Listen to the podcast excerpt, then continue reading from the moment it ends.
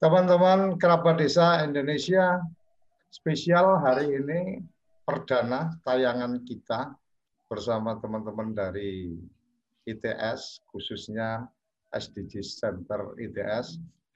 Jadi ini saya adalah uh, pengantar pertama untuk host. Nanti selanjutnya teman-teman dari ITS yang akan membawakan karena teman-teman dari ITS yang sangat memahami apa-apa yang akan dibawakan dalam apa eh, forum kita. Sudah hadir eh, bersama kita Dera Agnes Tuti Rumiati. Selamat malam, Bu Agnes. Selamat malam, Pak. Ya, kemudian sudah hadir juga Pak Put Insinyur Putu Rudi Setiawan MSC. Selamat malam Pak Rudi. Kemudian hadir juga Pak Haji Muhammad Rum, Kepala DPM PTSP dari apa Nusa Tenggara Barat. Malam ini kita akan mendiskusikan seputar edukasi pembangunan desa berkelanjutan. Jadi uh, isu-isu uh, pembangunan berkelanjutan ini uh, sudah sangat lama, artinya digulirkan sudah sangat lama. Sebenarnya seperti apa dan seterusnya di forum bincang bersama uh, eh, SDG Center ITS ini kita akan membedah atau kita akan mendiskusikan untuk kemudian bisa menjadi bahan edukasi kita ke teman-teman uh, kerabat desa di seluruh Indonesia. Karena tayangan kita bukan sekedar hanya tayangan di YouTube atau di Zoom meeting saja, tetapi tayangan kita juga uh, disiarkan melalui satelit di dua satelit uh, di Telkom Merah Putih dan kemudian juga Nusantara satu. Alhamdulillah tayangan kita juga bisa disaksikan melalui aplikasi Genflix dan juga Kuku. Jadi insya Allah akan semakin luas yang bisa mengikuti program-program tayangan TV Desa. Untuk pertama, Bu Agnes nih kayaknya yang harus menyampaikan idenya kayak apa nih, apa forum kita ini akan dibawa uh, seperti apa dan tema kita hari ini edukasi pembangunan desa berkelanjutan itu seperti apa sih sebenarnya? Apakah memang ada desa-desa yang dalam pembangunannya memang tidak tidak merencanakan berkelanjutan atau bagaimana? Silakan, Bang Agnes sepenuhnya. Ya, terima kasih Pak Suryo Koco.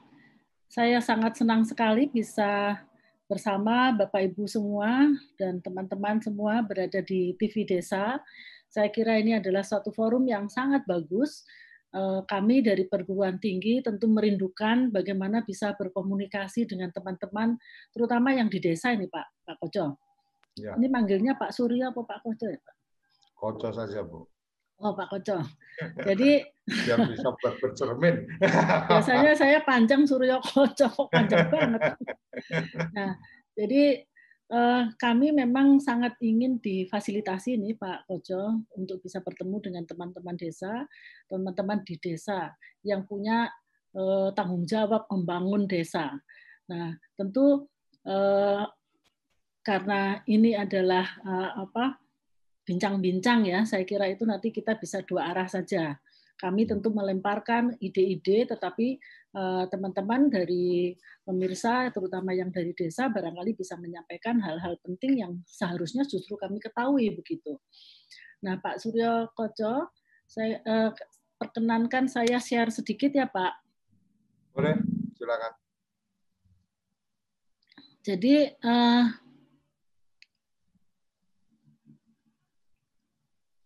sebetulnya idenya begini, Pak.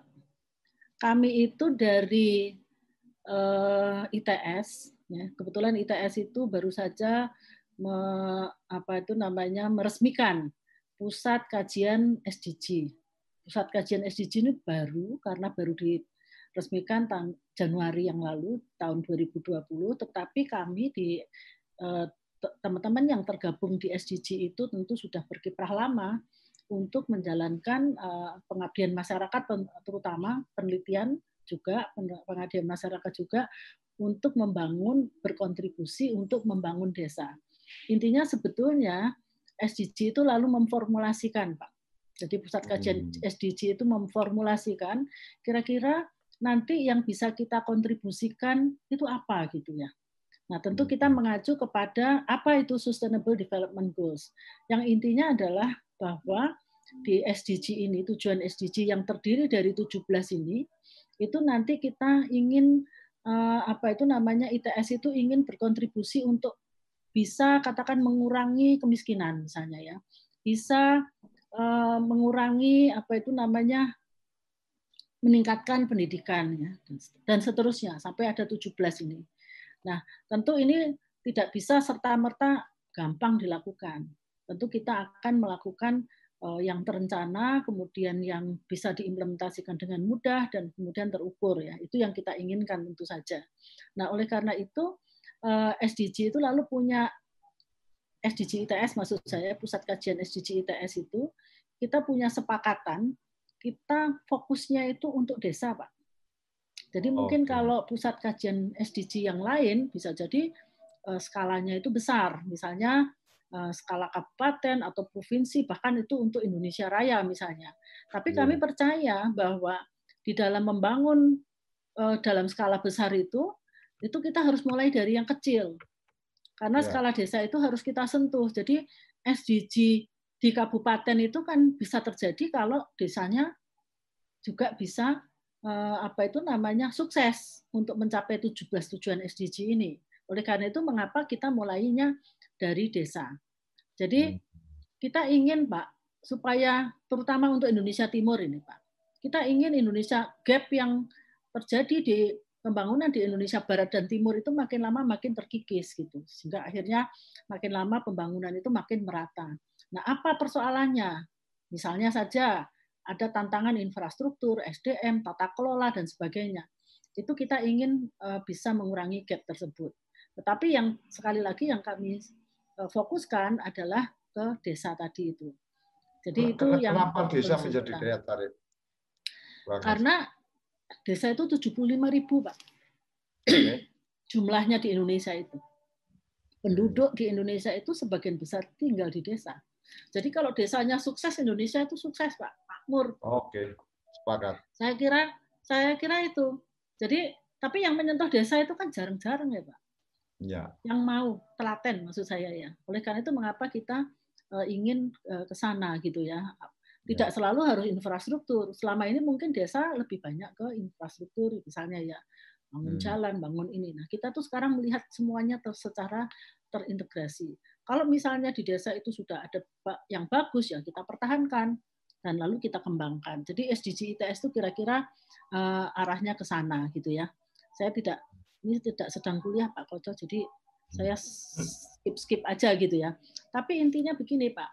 Jadi kami itu ingin exercise di desa ya dengan melakukan evaluasi, kemudian melakukan perencanaan, implementasi, monitoring. Ini sebuah siklus yang saya kira wajib dilakukan oleh desa. Hmm, okay. Artinya bahwa kalau akan melakukan sesuatu, membangun desa, itu tentu harus melalui suatu proses yang mulai awal. Jadi kita harus tahu dulu kira-kira eh, desa itu sebetulnya seperti apa yang sekarang. Berarti kan semacam membuat evaluasi diri dulu gitu. Baru kita melakukan perencanaan, kemudian kita eh, implementasikan dibarengi dengan Eh, monitoring dan evaluasi. Nah, sehingga kita akhirnya punya model, Pak. Pembangunan desa yang benar itu seperti apa? Ya, karena itu kita ingin supaya ini kita pelajari bersama-sama. Ya. Nah, setelah misalnya model itu didapat, lalu tentu kita butuh partner. Pasti harus berpartner dengan pemerintah, dengan swasta dan sebagainya.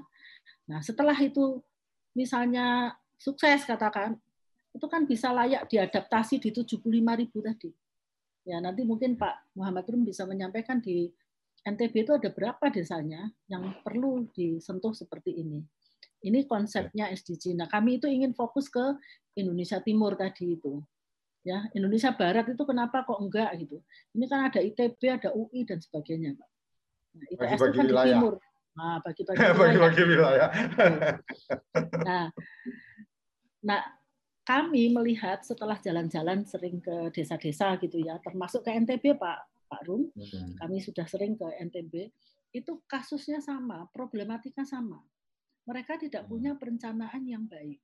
mereka tidak bisa melihat apa atau mereka tidak tahu apa yang harus mereka lakukan gitu.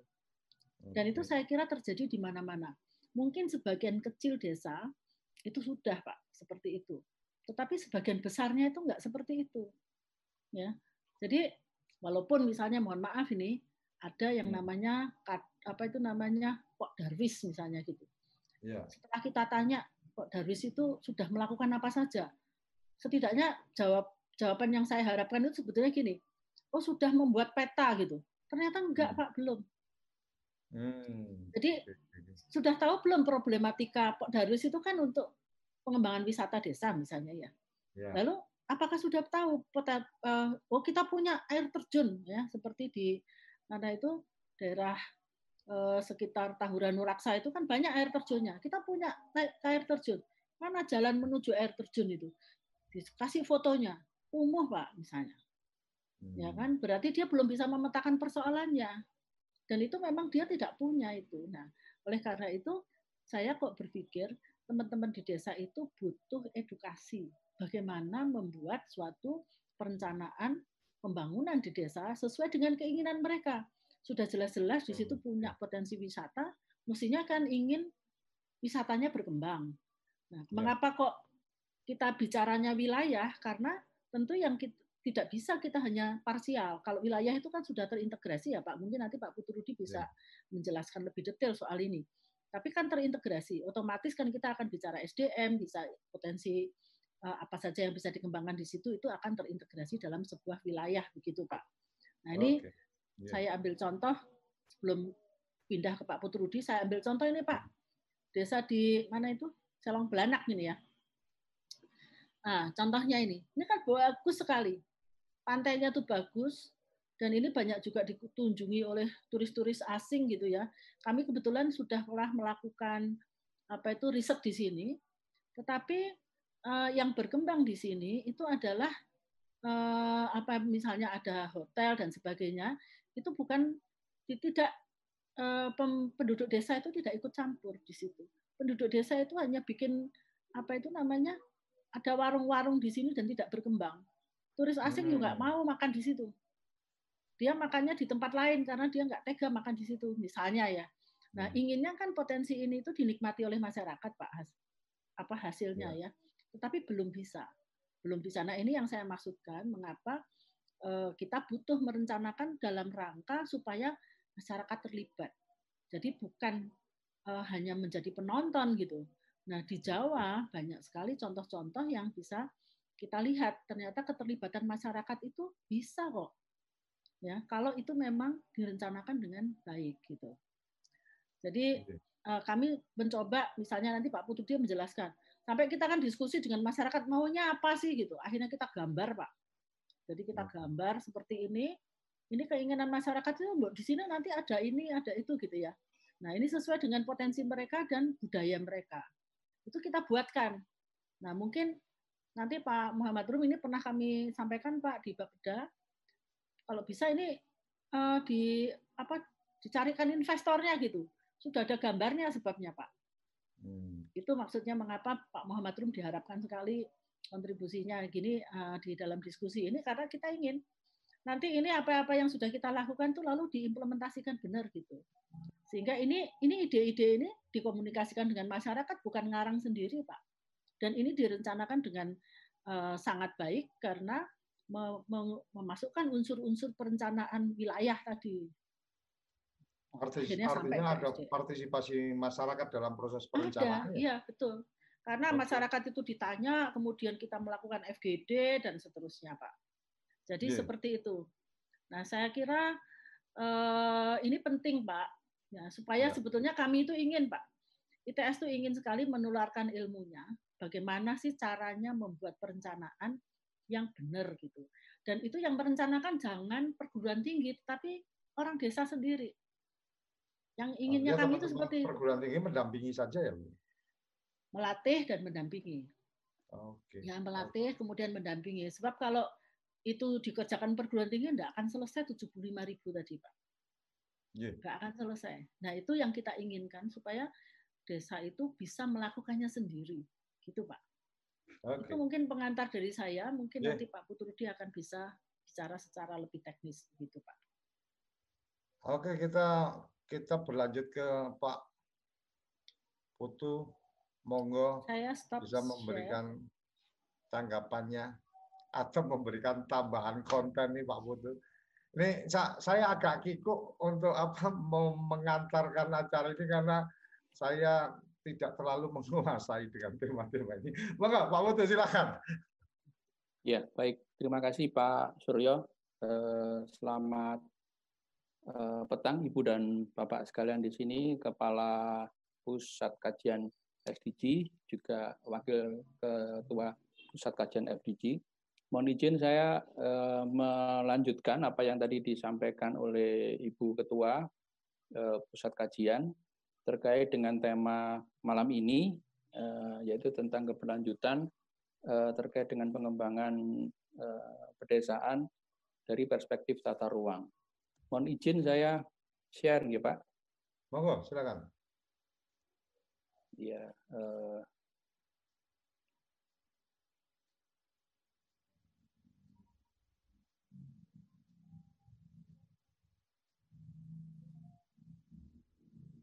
Ya, baik. Jadi apa yang saya sampaikan eh, ini eh, merupakan barangkali pendalaman dari apa yang tadi disampaikan oleh Bu Agnes Tuti ya. Jadi ada beberapa persoalan sebetulnya terkait dengan desa maupun pedesaan yang tadi sudah banyak dieksplorasi oleh Ibu Agnes Tuti. Eh, misalnya di sini yang saya quote adalah Eh, ketertinggalan, lalu kemudian ada disparitas, eh, kemudian ada kesenjangan pertumbuhan dalam konteks desa kota. Jadi jumlah jumlah desa itu dikatakan oleh Bu Tuti sekitar 75 ribu. Kemudian penduduk desa juga mestinya banyak. Tetapi trennya sebetulnya adalah jumlah penduduk desa itu makin lama makin kecil dibandingkan dengan jumlah penduduk di daerah perkotaan ya. Kenapa lebih kecil? Karena ternyata Eh, jumlah penduduk perkotaan atau kota itu melesat dengan eh, laju yang sangat cepat dan di satu sisi kemudian eh, jumlah penduduk pedesaan itu kemudian menurun menurun karena wilayahnya menjadi menjadi wilayah perkotaan dan otomatis warga desa itu juga akan menjadi warga perkotaan begitu ya bukan bukan hanya karena apa namanya karena ada kelahiran baru ada ada migrasi saja begitu ya. Itu itu satu hal. Kemudian terkait dengan juga di sini saya sampaikan ada beban sustainability. Artinya yang memiliki banyak banyak sumber daya itu adalah daerah pedesaan, tetapi sebetulnya yang memanfaatkan yang menjadi bagian dari sumber daya alam untuk menunjang keberlanjutan perkotaan itu adalah yang dari desa begitu. Jadi beban itu menjadi eh, sangat berat dibandingkan dengan potensi-potensinya yang banyak, tapi juga belum belum dieksplorasi, belum dieksploitasi untuk kemaslahatan warga pedesaan begitu ya. Nah, kemudian eh, dikatakan di situ powerless of the political decision. Nah, ini ini sebetulnya kondisi kondisi sebelum-sebelumnya ya. Sekarang ini justru sebetulnya ada undang-undang desa yang memberikan kewenangan lebih kepada pemerintahan desa untuk melakukan eksekusi-eksekusi di tingkat pemerintahan, termasuk eksekusi untuk menyusun tata ruang, gitu, eh, menyusun rencana-rencana pembangunan, mengelola anggaran. Ini kan luar biasa ya, seperti itu. Tetapi apakah ini sudah dijalankan demi untuk memperoleh keuntungan keuntungan-keuntungan komparatif eh, dibandingkan dengan daerah-daerah perkotaan. Lalu lebih bersifat objek pembangunan daripada subjek. Ini fakta-fakta yang semua kita sudah tahu ya. Lalu saya quote sebentar, saya uh, review sebentar mengenai pedesaan. Jadi undang-undang yang menaungi tata ruang itu sebetulnya adalah Undang-Undang 26 2007 yang sekarang sayangnya sekarang itu akan digilas, akan dilindas oleh Undang-Undang uh, Rencana Undang-Undang Cipta Kerja atau Omnibus Law. Tapi tidak tidak semuanya. Pedesaan, jadi unfortunately pedesaan itu termasuk uh, pasal-pasal atau konten yang akan dihapus perencanaan tata ruangnya begitu ini tetapi ini kan, itu kan belum ya masih ada perdebatan tapi di sini saya bisa sampaikan ada aran arah pedesaan itu pemberdayaan masyarakat pedesaan, eh, terkait dengan lingkungan, terkait dengan konservasi, terkait juga dengan warisan budaya lokal. Ini jangan sampai budaya masyarakat pedesaan itu kemudian eh, musnah atau mengalami mengalami metamorfosis menjadi budaya-budaya kota begitu. Lalu kemudian ini yang penting juga ada pertahanan terhadap lahan pertanian pangan abadi begitu. Tujuannya untuk ketahanan pangan. Lalu keseimbangan pembangunan pedesaan perkotaan. Ini hmm, semakin lama semakin timpang, apalagi kemudian jumlah penduduk perkotaan itu semakin semakin melaju dengan eh, rate yang sangat eh, tinggi. Lalu kemudian disampaikan ini masih di dalam undang-undang yang sama eh, dikatakan dapat dilakukan pada tingkat kecamatan atau beberapa desa atau nama lain disamakan dengan desa. Lalu dikatakan di sini dapat mencakup dua atau lebih wilayah kabupaten, misalnya begitu eh, kontennya ini. Yang jadi persoalan adalah bahwa walaupun ada undang-undang, tetapi sampai sekarang belum pernah ada eh, yang namanya wujud tata ruang desa itu belum pernah ada. Jadi hanya ada pada eh, pada ruang-ruang apa namanya diskusi begini, ruang-ruang perdebatan terkait dengan pedesaan ya seperti begini ini, tetapi belum belum pernah ada sebetulnya. Belum pernah ada, tetapi di dalam eh, rancangan undang-undang tentang cipta kerja sudah digilas. Nah, kemudian ada lagi istilah agropolitan. Agropolitan itu mengembangkan pedesaan secara sistem tidak hanya pertanian, tetapi dari hulu ke hilir, mulai produksi sampai pemasaran. Begitu, kira-kira seperti itu ya. Ini lebih lebih eh, lebih apa namanya, lebih efektif mestinya untuk membangun eh, kesejahteraan masyarakat, masyarakat pedesaan secara komprehensif, tidak sepotong-sepotong. Jadi intinya isinya adalah uh, seperti biasa ada tujuan, jakstra, kemudian rencana struktur, ini tentang infrastrukturnya seperti apa, rencana pola ini peruntukannya, pemanfaatan ini programnya, dan ini mengenai pengendaliannya. Kira-kira itu ya. Hanya ini sudah ada, sudah ada produk seperti begini uh, sebetulnya. Ini juga tidak murni hanya ada di desa, tapi hulu dan hilirnya itu bisa saja mengkait dengan wilayah-wilayah perkotaan atau kegiatan yang ada di daerah perkotaan. Jadi mengkait membangun desa Eh, dengan mengkaitkan dengan kegiatan di perkotaan agar imbas daripada pengembangan perkotaan itu bisa sampai uh, mempengaruhi memberikan dampak positif bagi bagi daerah pedesaan. Nah, kemudian uh, apakah sudah pernah ada uh, rencana tata ruang untuk agropolitan? Sudah pernah ada, sudah pernah ada. Tetapi yang dipersoalkan adalah bagaimana selanjutnya, begitu ya? Karena perencanaan itu sangat masif disusun oleh lembaga-lembaga yang punya otoritas tentang tata ruangan, tetapi pada tataran implementasi, pada tataran susun program, itu biasanya kemudian lemah atau tidak tidak berujung pada hilir yang sudah dikehendaki atau dicita-citakan. Jadi kalau di dalam perencanaan pedesaan itu ini contoh saja kebetulan saya pernah ikut kegiatan eh, apa namanya mengatasi pengatasi bencana Aceh waktu itu ya, rehabilitasi rekonstruksi Aceh bencana, kami menyusun village planning. Eh, kami membuat village plan. Kegiatannya namanya village planning. Disusun seperti begitu karena mereka sebetulnya eh, otoritas otoritas tentang pemerintahan, otoritas mengenai sosial budaya, ekonomi itu lebih lebih kuat ada di daerah pedesaan. Pedesaan itu kalau di Aceh bisa dijajarkan dengan namanya kampung. Kalau di sini kampung. Nah, kira-kira seperti ini memang harusnya ada acuan dulu yang lebih makro, rencana tata ruang provinsi, tata ruang kabupaten atau kota, tata ruang kecamatan, baru sampai sampai di sini. Nah, kira-kira hasilnya kami melakukannya waktu itu mestinya mestinya ini ini uh, ini niscaya ya, bukan bukan secara teoritis. Uh, harusnya memang secara partisipatif ya. Participatory planning termasuk juga memberikan literasi, memberikan edukasi tadi seperti dikatakan oleh Bu Agnes Tuti. Jadi eh, yang sebelumnya itu orientasi kegiatannya pada laut, tetapi seluruh karena pada laut maka seluruh kehidupan dia termasuk rumah eh, bersosialisasi, berkegiatan Eh, macam-macam itu mengarah kepada laut. Tetapi kemudian sejak adanya bencana tsunami itu kegiatannya memang di laut, tetapi orientasi permukimannya itu orientasinya lebih ke dalam dan juga uh, ada arahan-arahan tentang bagaimana kalau terjadi bencana gitu ya. Karena ini adalah uh, jalur-jalur evakuasi. Hasilnya adalah seperti begini. Ya. Ini. Ini yang menentukan semua warga Kemudian kami eh, para profesional di perencanaan ini eh, bertugas untuk memberikan edukasi, pemahaman, memberikan literasi dan sebagainya. Tetapi semua keputusan itu ada pada pada pada mereka.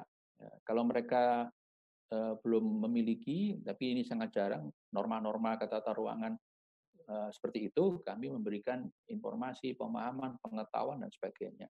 Jadi ini kemudian ada lagi contoh begini, tidak tidak sangat formal karena ini lebih lebih main bersifat mind mapping ya. Uh, seperti begini. Ini ini ini semua. Lalu sebagai bukti ini disepakati, kemudian ini mereka masing-masing tanda tangan. Semua semua uh, institusi yang terkait, institusi tingkat kampung dan sebagainya masuk masuk uh, termasuk juga dari lembaga-lembaga donor semua ikut Eh, membubuhkan tanda tangan sebagai simbol kesepakatan di situ. Nah, ini juga sama ya. Jadi eh, ini di Kampung Pande.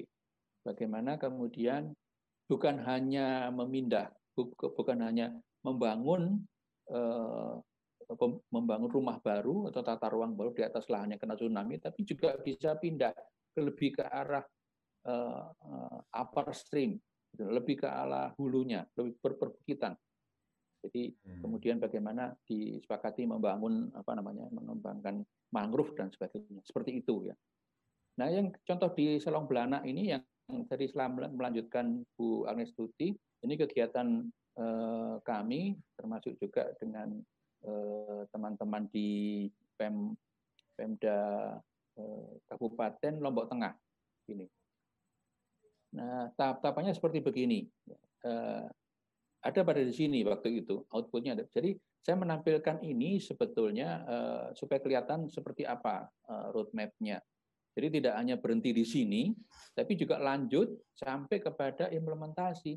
Nah nanti di sini ini bisa disambut oleh pemerintah melakukan menyusun regulasi uh, agar menjadi acuan bagi setiap perizinan, seperti begitu ya. Ini ada pada pemerintah. Pelaku-pelakunya bisa warga membentuk kooperasi atau mungkin masyarakat pengusaha, masyarakat eh, apa namanya pemodal dari luar, kerjasama juga dengan masyarakat ada di sana dan sebagainya. Itu masih dimungkin. Itu itu itu dimungkinkan pada berada di sini. Nanti saya kira akan dijelaskan panjang lebar oleh eh, Bapak Muhammad Rum. Ya. Nah, jadi saya katakan tadi di, di, di kebijakan itu kebijakannya apa? Tata ruangnya NTB, tata ruangnya Lombok Tengah, sampai kepada tata ruang tata ruang pada level yang lebih rinci ya di kecamatan misalnya. Nah, kemudian di di proses perumusan strategi itu ada strategi-strategi yang kita coba untuk uh, breakdown dari rencana-rencana yang ada di dalam kebijakan di situ. Uh, misalnya di sini yang disampaikan waktu itu yang kami temukan kenali di dokumen-dokumen perencanaan adalah mengembangkan kawasan pariwisata eh, termasuk Selong Belana ada di, di sana. Bagian dari yang akan dikembangkan serta objek-objek wisata unggulan yang lain yang tersebar di kabupaten. Nah, kemudian berikutnya adalah tahap perencanaan. Nah, di sini ini kan sebetulnya bentuknya eh, apa namanya secara visual sama dengan yang ada di eh, Aceh ya, eh, village planning yang ada di di Aceh, provinsi eh, Nangro Aceh Darussalam. Sekarang namanya provinsi Aceh. Nah, mereka ber, bersama-sama menyusun secara partisipatori dan kemudian ini ini bukan hasil mind mapping tapi sudah diolah lagi supaya eh, konten tata ruangnya lebih lebih terlihat sebetulnya ya. Ini sentuhan-sentuhan artis. Eh, untuk memvisualkan. Ini ini ini juga sama.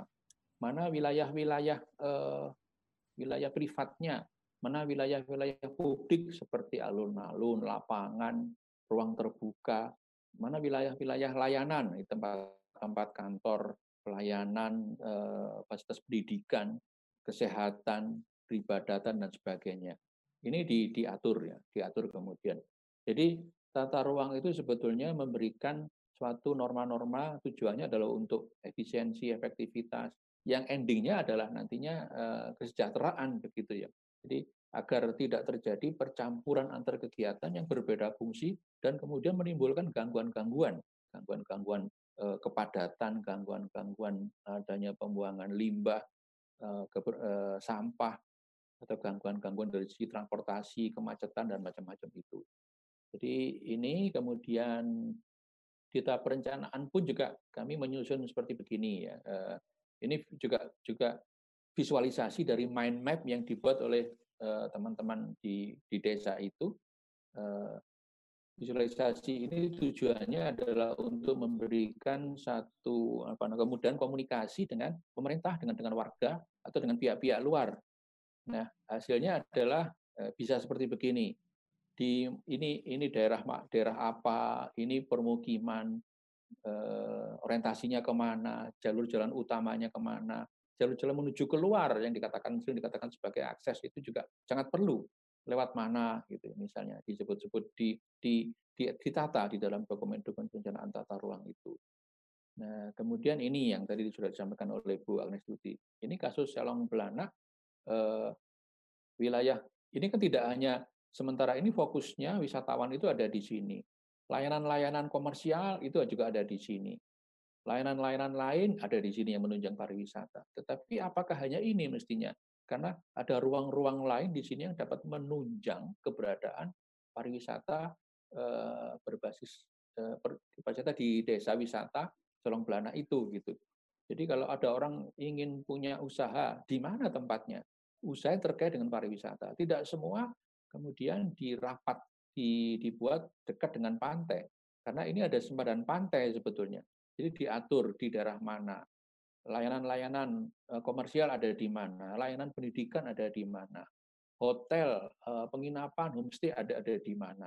Begitu. Itu ini saya kira eh, norma-norma seperti ini perlu untuk masyarakat pedesaan agar tidak menimbulkan persoalan di kemudian hari terkait dengan apa yang tadi saya sampaikan itu ya konflik antar ruang, konflik antar penggunaan lahan, konflik antar investasi dan sebagainya. Nah ini selanjutnya pada tahap perancangan ya. Setelah perencanaan selesai perancangan disusun rencana-rencana bangunannya, eh, permukimannya seperti apa. Nah, setelah itu pada tahap akhir ini gilirannya Pak Muhammad Rum untuk menyambut proposal-proposal begitu.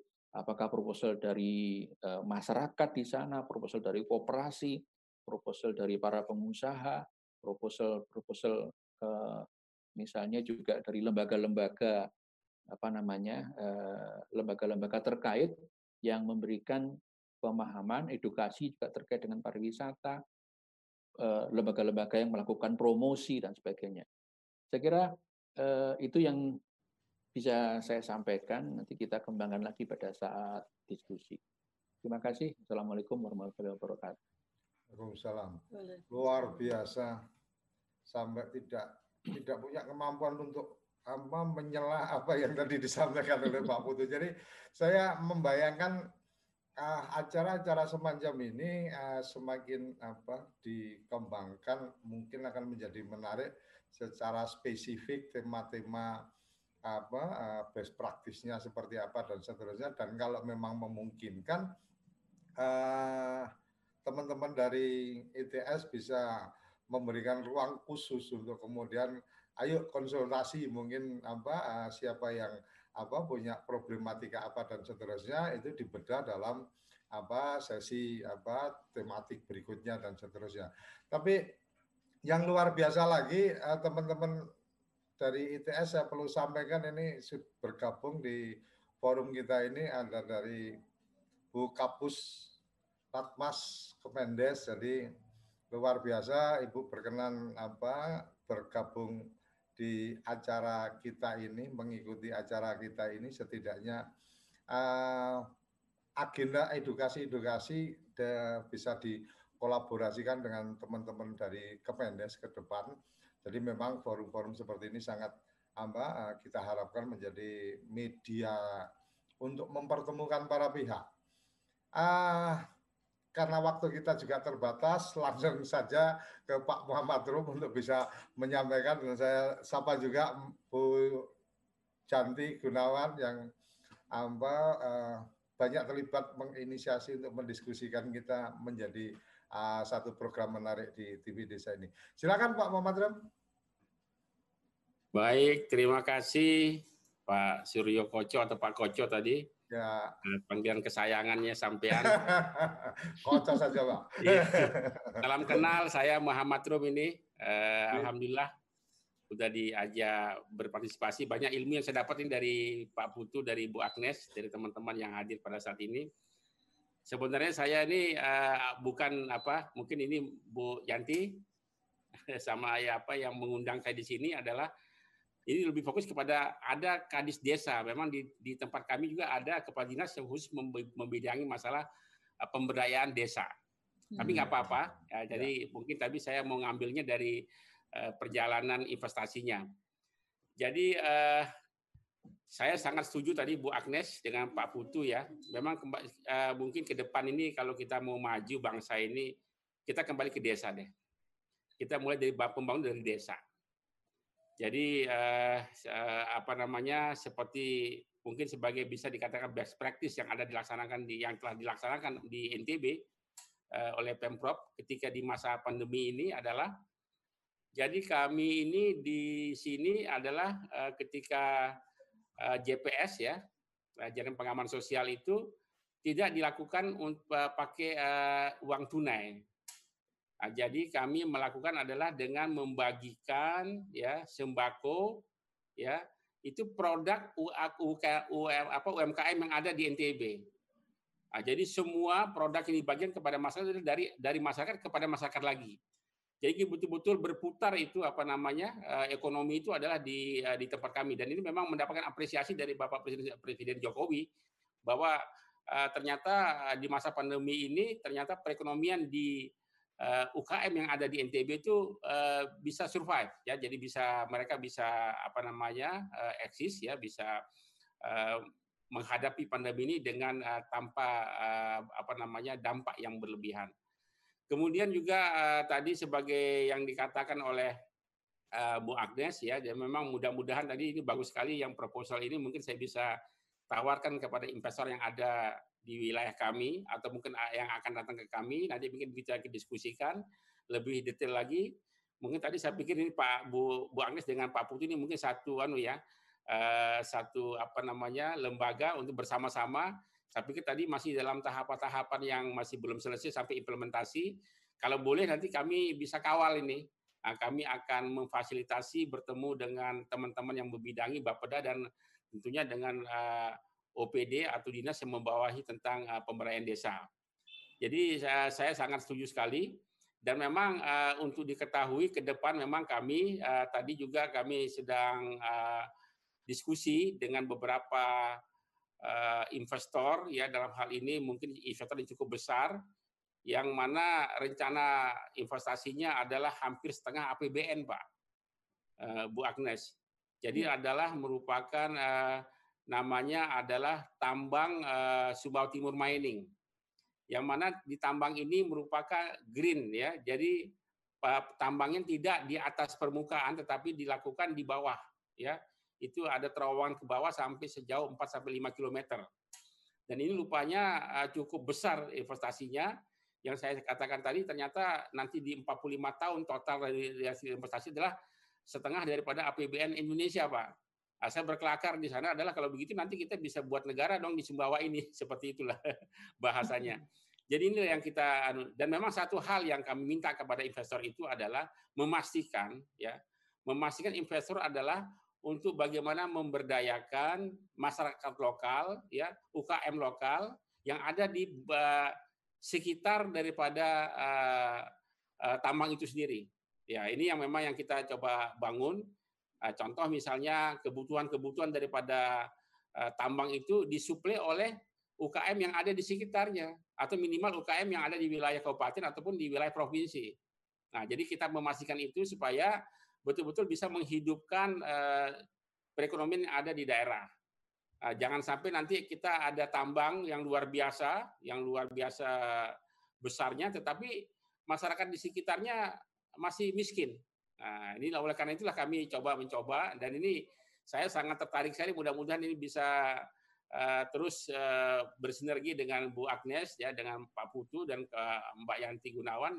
Selebihnya nanti kita untuk bisa menyusun strategi, terutama tadi yang mungkin yang sebagai pilot project yang ada di Selong Belana untuk diketahui Selong Belana ini memang uh, suatu apa namanya uh, destinasi wisata yang memang agak sedikit tertinggal daripada Kuta ya. Pantai Kuta yang memang jaraknya sama dekatan. Uh, tidak sampai 10 km ya antara Selong Belana dengan Pantai Kuta yang memang untuk diketahui sebagai sudah merupakan KEK ya kawasan ekonomi khusus Mandalika yang mana kita ketahui yang masih insya Allah tahun depan akan digelar MotoGP. Nah, gelaran MotoGP yang ada di Indonesia pertama kali adalah di eh, Mandalika ini. Tetapi sebenarnya kalau kita bicara keindahan alamnya nggak kalah ya. Saya sangat setuju tadi Selong Belana lebih cantik ya. Bahkan ada suatu tempat di Selong Belana ini yang merupakan rekomendasi untuk tempat spa apa namanya spa yang paling uh, bagus di dunia. Nah ini ada yang saya hmm. sempat uh, searching di Google itu ternyata tempat spa yang paling bagus itu adalah di ada salah satu hotel yang ada di Selong Belana yang yang dimiliki oleh investor dari Rusia. Uh, boleh nih uh, sewaktu-waktu ini mungkin Pak Suryo uh, bisa datang ke sini, kita bisa antar ke tempat itu. Nah inilah yang mungkin yang ya. kita perlu kita kita bangun ya untuk ini. Jadi memang perlu ada contoh-contoh yang memang yang konkret ya. Memang terus terang aja memang yang merupakan mungkin tidak hanya di tempat kami di desa di tempat kami, hampir di desa di belahan Indonesia lainnya memang masih ada ketertinggalan dari segi sumber daya manusia, eh, masih eh, berpola eh, pikir ya memang yang penting hidup ya seperti itu tidak mau mengembangkan atau menata hidupannya lebih baik lagi. Ah, tapi tentunya dengan ada program-program yang telah dibuat oleh teman-teman dari ITS ya, ini yang dari yang di komandoi oleh Bu Agnes. Mudah-mudahan ke depan ini desa-desa yang ada di uh, khususnya di di NTB ini bisa lebih baik lagi tertata ke depannya. Saya pikir demikian mungkin sementara yang saya bisa sampaikan, Mas Suryo. Uh, terima ya. kasih. Uh, selamat malam. Assalamualaikum warahmatullahi wabarakatuh. Selamat malam. Ini luar biasa sekali. Jadi memang karena karena tokoh-tokohnya yang expert berbicara, jadi nggak berasa waktu ini kayaknya sangat cepat sekali. Gitu. Nah, uh, yang menarik tadi disampaikan tentang uh, tambang dan sepertinya kalau bicara tambang itu quote unquote kadang-kadang kita selalu khawatir dengan masalah ling, apa perusakan lingkungan atau mungkin masalah apa uh, keberlanjutan dari apa pembangunan uh, berwawasan lingkungan dan seterusnya mungkin uh, Bu Agnes bisa memberikan respon ini. Kalau uh, case-case-nya kan beberapa kalau bicara tambang kan akhirnya dalam tanda petik ini. Silakan. Ya, terima kasih Pak Suryo. Jadi kami uh, kebetulan selain pusat kajian tadi SDG di ITS itu ada pusat kajian lingkungan hidup, Pak. Hmm. Yang uh, ketuanya itu Bu Warma yang iya. ikut yeah. di dalam diskusi sebelumnya. Nanti suatu hmm. saat Bu Warma bisa kita undang ke sini untuk membahas mengenai lingkungan lebih dalam lagi, Pak. Termasuk yeah. di antaranya bukan hanya lingkungan urusan tambang, tetapi lingkungan di pedesaan juga, Pak. Pengelolaan limbah uh, di desa itu bagaimana ya supaya supaya apa pertama tidak mencemari lingkungan, yang kedua bisa bermanfaat bagi masyarakat desa. Nah, hmm. kalau kembali ke tambang, saya kira Eh, pemerintah itu kan sudah punya aturan yang cukup jelas bahwa untuk eh, kegiatan-kegiatan pertambangan yang sangat besar seperti itu harus melakukan studi AMDAL dulu misalnya ya. Harus hmm. melakukan studi AMDAL, harus melakukan uh, kajian lingkungan ya. Uh, sedemikian rupa sehingga kalau nanti terjadi potensi pencemaran lingkungan yang merugikan alam dan masyarakat sekitarnya itu sudah diantisipasi sebelumnya. Dan itu kan menjadi kewajiban bukan hanya kewajiban pemerintah tetapi kewajiban yang punya uh, namanya istilahnya pemrakarsa ya Pak Putrudi. Pak Putrudi ini juga sangat aktif di anu uh, lingkungan Pak. Jadi uh, kami dulu tergabung juga dalam pusat studi lingkungan itu. Jadi uh, sehingga itu kami pasti bisa membantu Pak. Jadi dari ITS itu sudah banyak pakar-pakar untuk lingkungan hidup yang sudah biasa melakukan studi AMDAL. Eh, semua aspek dikaji. Jadi bukan hanya dari aspek eh, apa itu fisik, kimia, biologi, tetapi juga dari eh, dampak sosialnya bahkan. Ya, supaya karena apa? Karena kita tidak ingin supaya kalau misalnya ada kegiatan sebesar itu tambang terutama lalu alamnya dirugikan kan kita bicaranya sustainability ya berarti hmm. sebetulnya kegiatan itu tidak boleh merugikan generasi yang akan datang. Hmm. Itu itu ya, harus di apa itu namanya diperhatikan. Kemudian eh, berikutnya lagi adalah yang sekarang misalnya warga sekitar misalnya gitu ya. Warga sekitar sekarang ini itu kan sering kali pasti akan kalau sampai mereka itu mendapatkan dampak negatif dari kegiatan itu pasti dia akan teriak-teriak demo dan hmm. sebagainya. Nah, supaya itu tidak terjadi di dalam kajian lingkungan itu semuanya sudah dibahas sebelumnya. Jadi partisipasi masyarakat itu dalam hal ini juga uh, ada, Pak, pada saat kajian ya. lingkungan hidup tadi itu. Pak Putudi bisa menambahkan banyak ini, Pak. Ya, Pak, uh, ke Pak Putu mungkin sisi yang lain kalau bicara perencanaan partisipatif dan seterusnya, kadang yang menjadi tantangannya adalah secara waktu mungkin ya Mbak. Secara waktu ketika kita berharap partisipatifan, otomatis waktunya jadi agak panjang dan seterusnya. Mengantisipasi atau kemudian apa uh, mencoba menyelesaikan apa tantangan bahwa kemudian oh jadi butuh waktu yang panjang karena harus apa melakukan edukasi ke masyarakat kemudian melibatkan masyarakat secara apa uh, intens dan seterusnya solusi praktisnya kayak apa nih Pak Putu? Di samping apa mungkin mendiskusikan juga tadi apa uh, mengenai tambang tadi. Silakan Pak Putu. Iya Pak Kocok. Jadi eh, pada awalnya eh, kita kita akademisi biasanya ber, berpikir eh, sesuatu yang ada di di permukaan ya. Eh, ya. formalitas, legalitas begitu kami pun saya pun juga juga seperti itu ketika menangani uh, village planning di Aceh itu ya.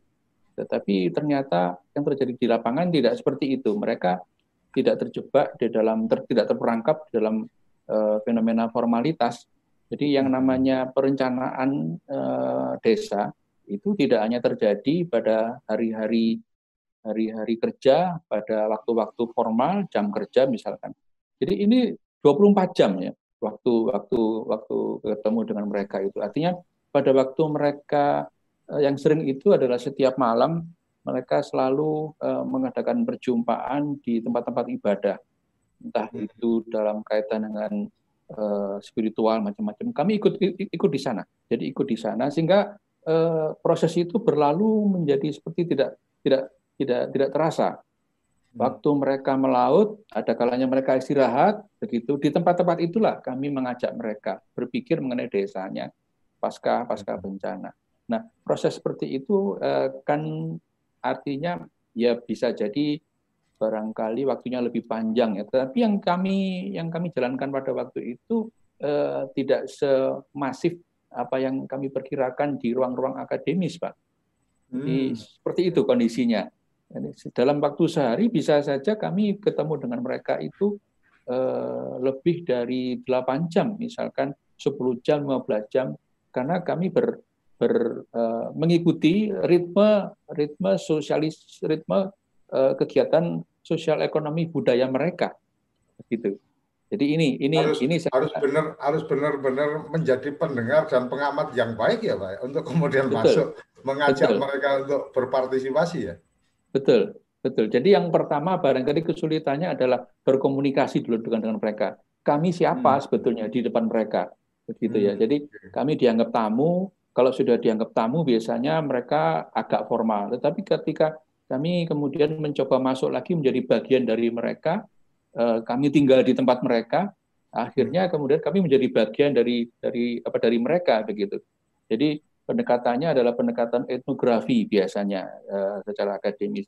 Kami tinggal dengan dengan mereka ketika ada uh, ketika ada pasar buka begitu misalnya, eh, kami ikut ke ke pasar sama dengan bareng dengan ibu-ibu ke pasar dan di pasar itulah kami bisa saja di tengah-tengah mereka bertransaksi kami melakukan proses perencanaan di, di kondisi hmm. seperti itu. Jadi eh, secara waktu relatif memang Pak ya, tidak relatif. Ya. Tetapi saya yakin masyarakat desa itu tetap punya eh, persepsi yang baik mengenai waktu. Begitu asal kita menjadi bagian dari dari mereka tadi awalnya. Jadi pada waktu awal itu memang butuh butuh waktu untuk eh, melakukan pendekatan dengan dengan mereka. Berarti kunci utamanya yang tadi disampaikan Pak Putu tadi tentang bagaimana ketika eh, teman-teman atau kita datang itu uh, kemudian uh, sampai di fase kita tidak dianggap sebagai tamu tapi dianggap sebagai keluarga atau men, uh, dianggap sebagai bagian dari mereka sehingga potretnya bisa terekam dengan uh, dengan apa dengan detail dengan nyata gitu kira-kira Pak Budi. Betul, betul, betul seperti begitu Pak.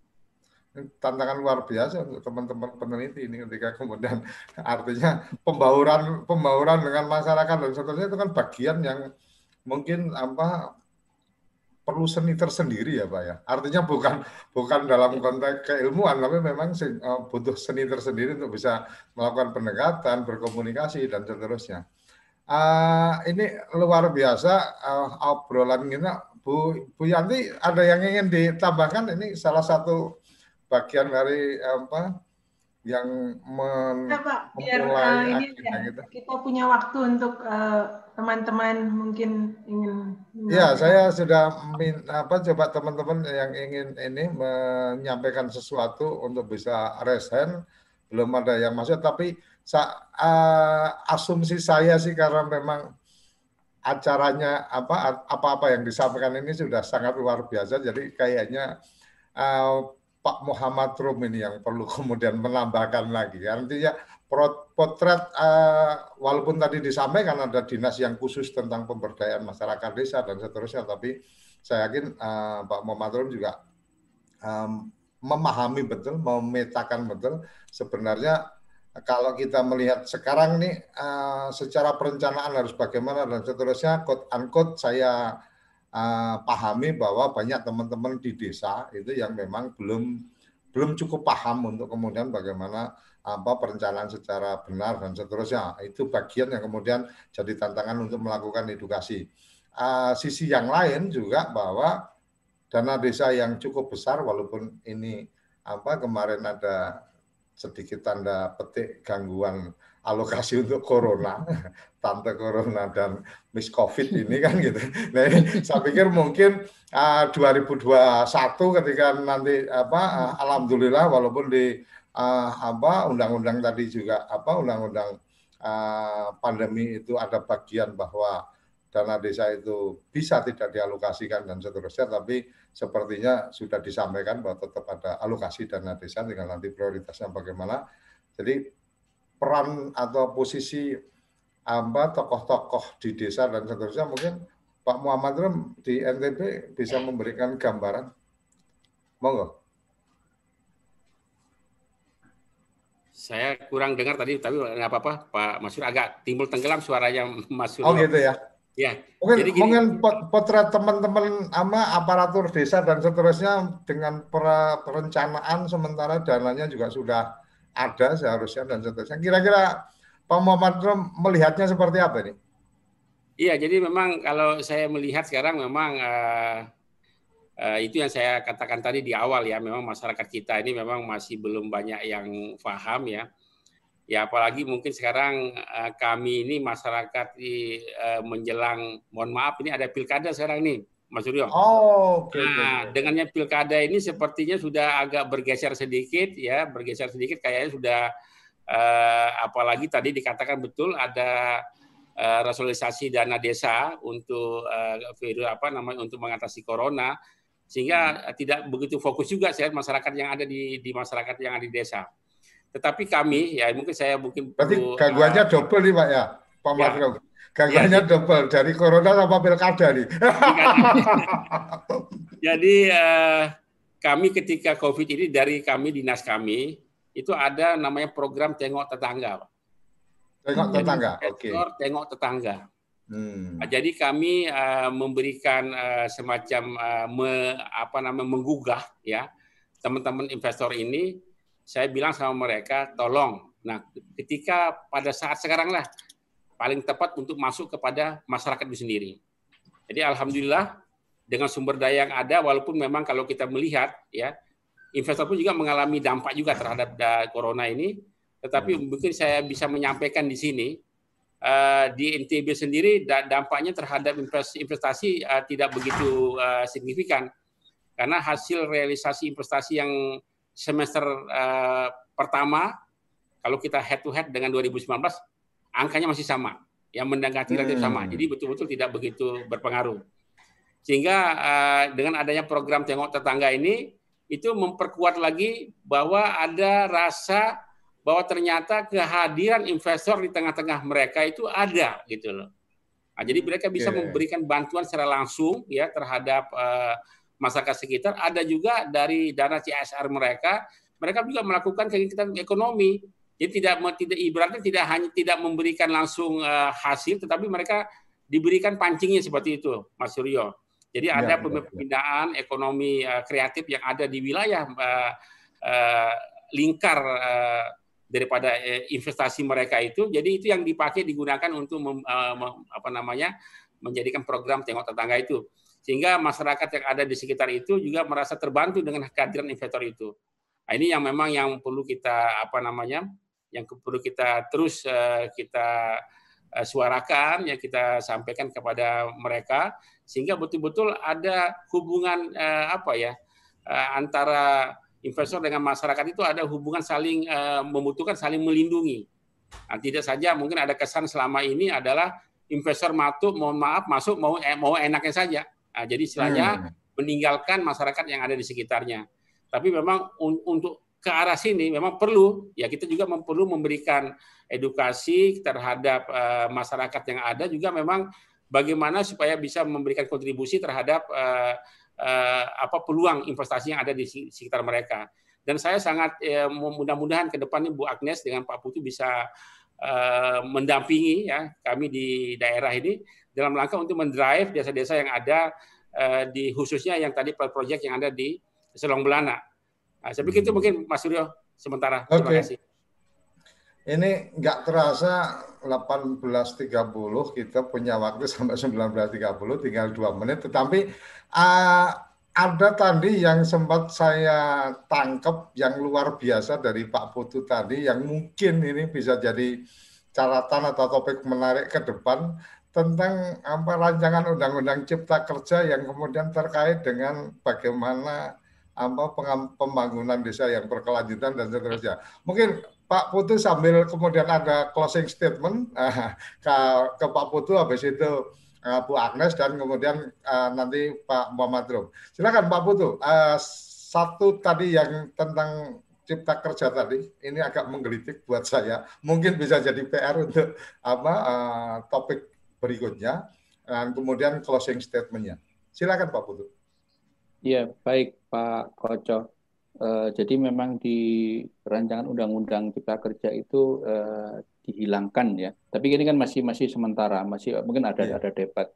Tapi barangkali itu tidak lantas kemudian me, men, mendegradasi spirit masyarakat pedesaan kita untuk beraktivitas, yeah. untuk merencanakan, untuk melaksanakan pembangunan dan sebagainya. Maka eh, kami dari eh, pusat kajian SDGs berusaha untuk memprovokasi tanda kutip ya uh, supaya masyarakat pedesaan itu tetap berpikir bagaimana mewujudkan kesejahteraan desanya melalui berbagai macam aktivitas termasuk men, meng, mengawali dengan kegiatan menyusun rencana tata ruangnya. Walaupun ini tanpa misalnya nanti ya tanpa ada tanpa perlu macam guidance kalau toh nanti UU Cipta Kerja itu di diratifikasi begitu ya hmm. disahkan.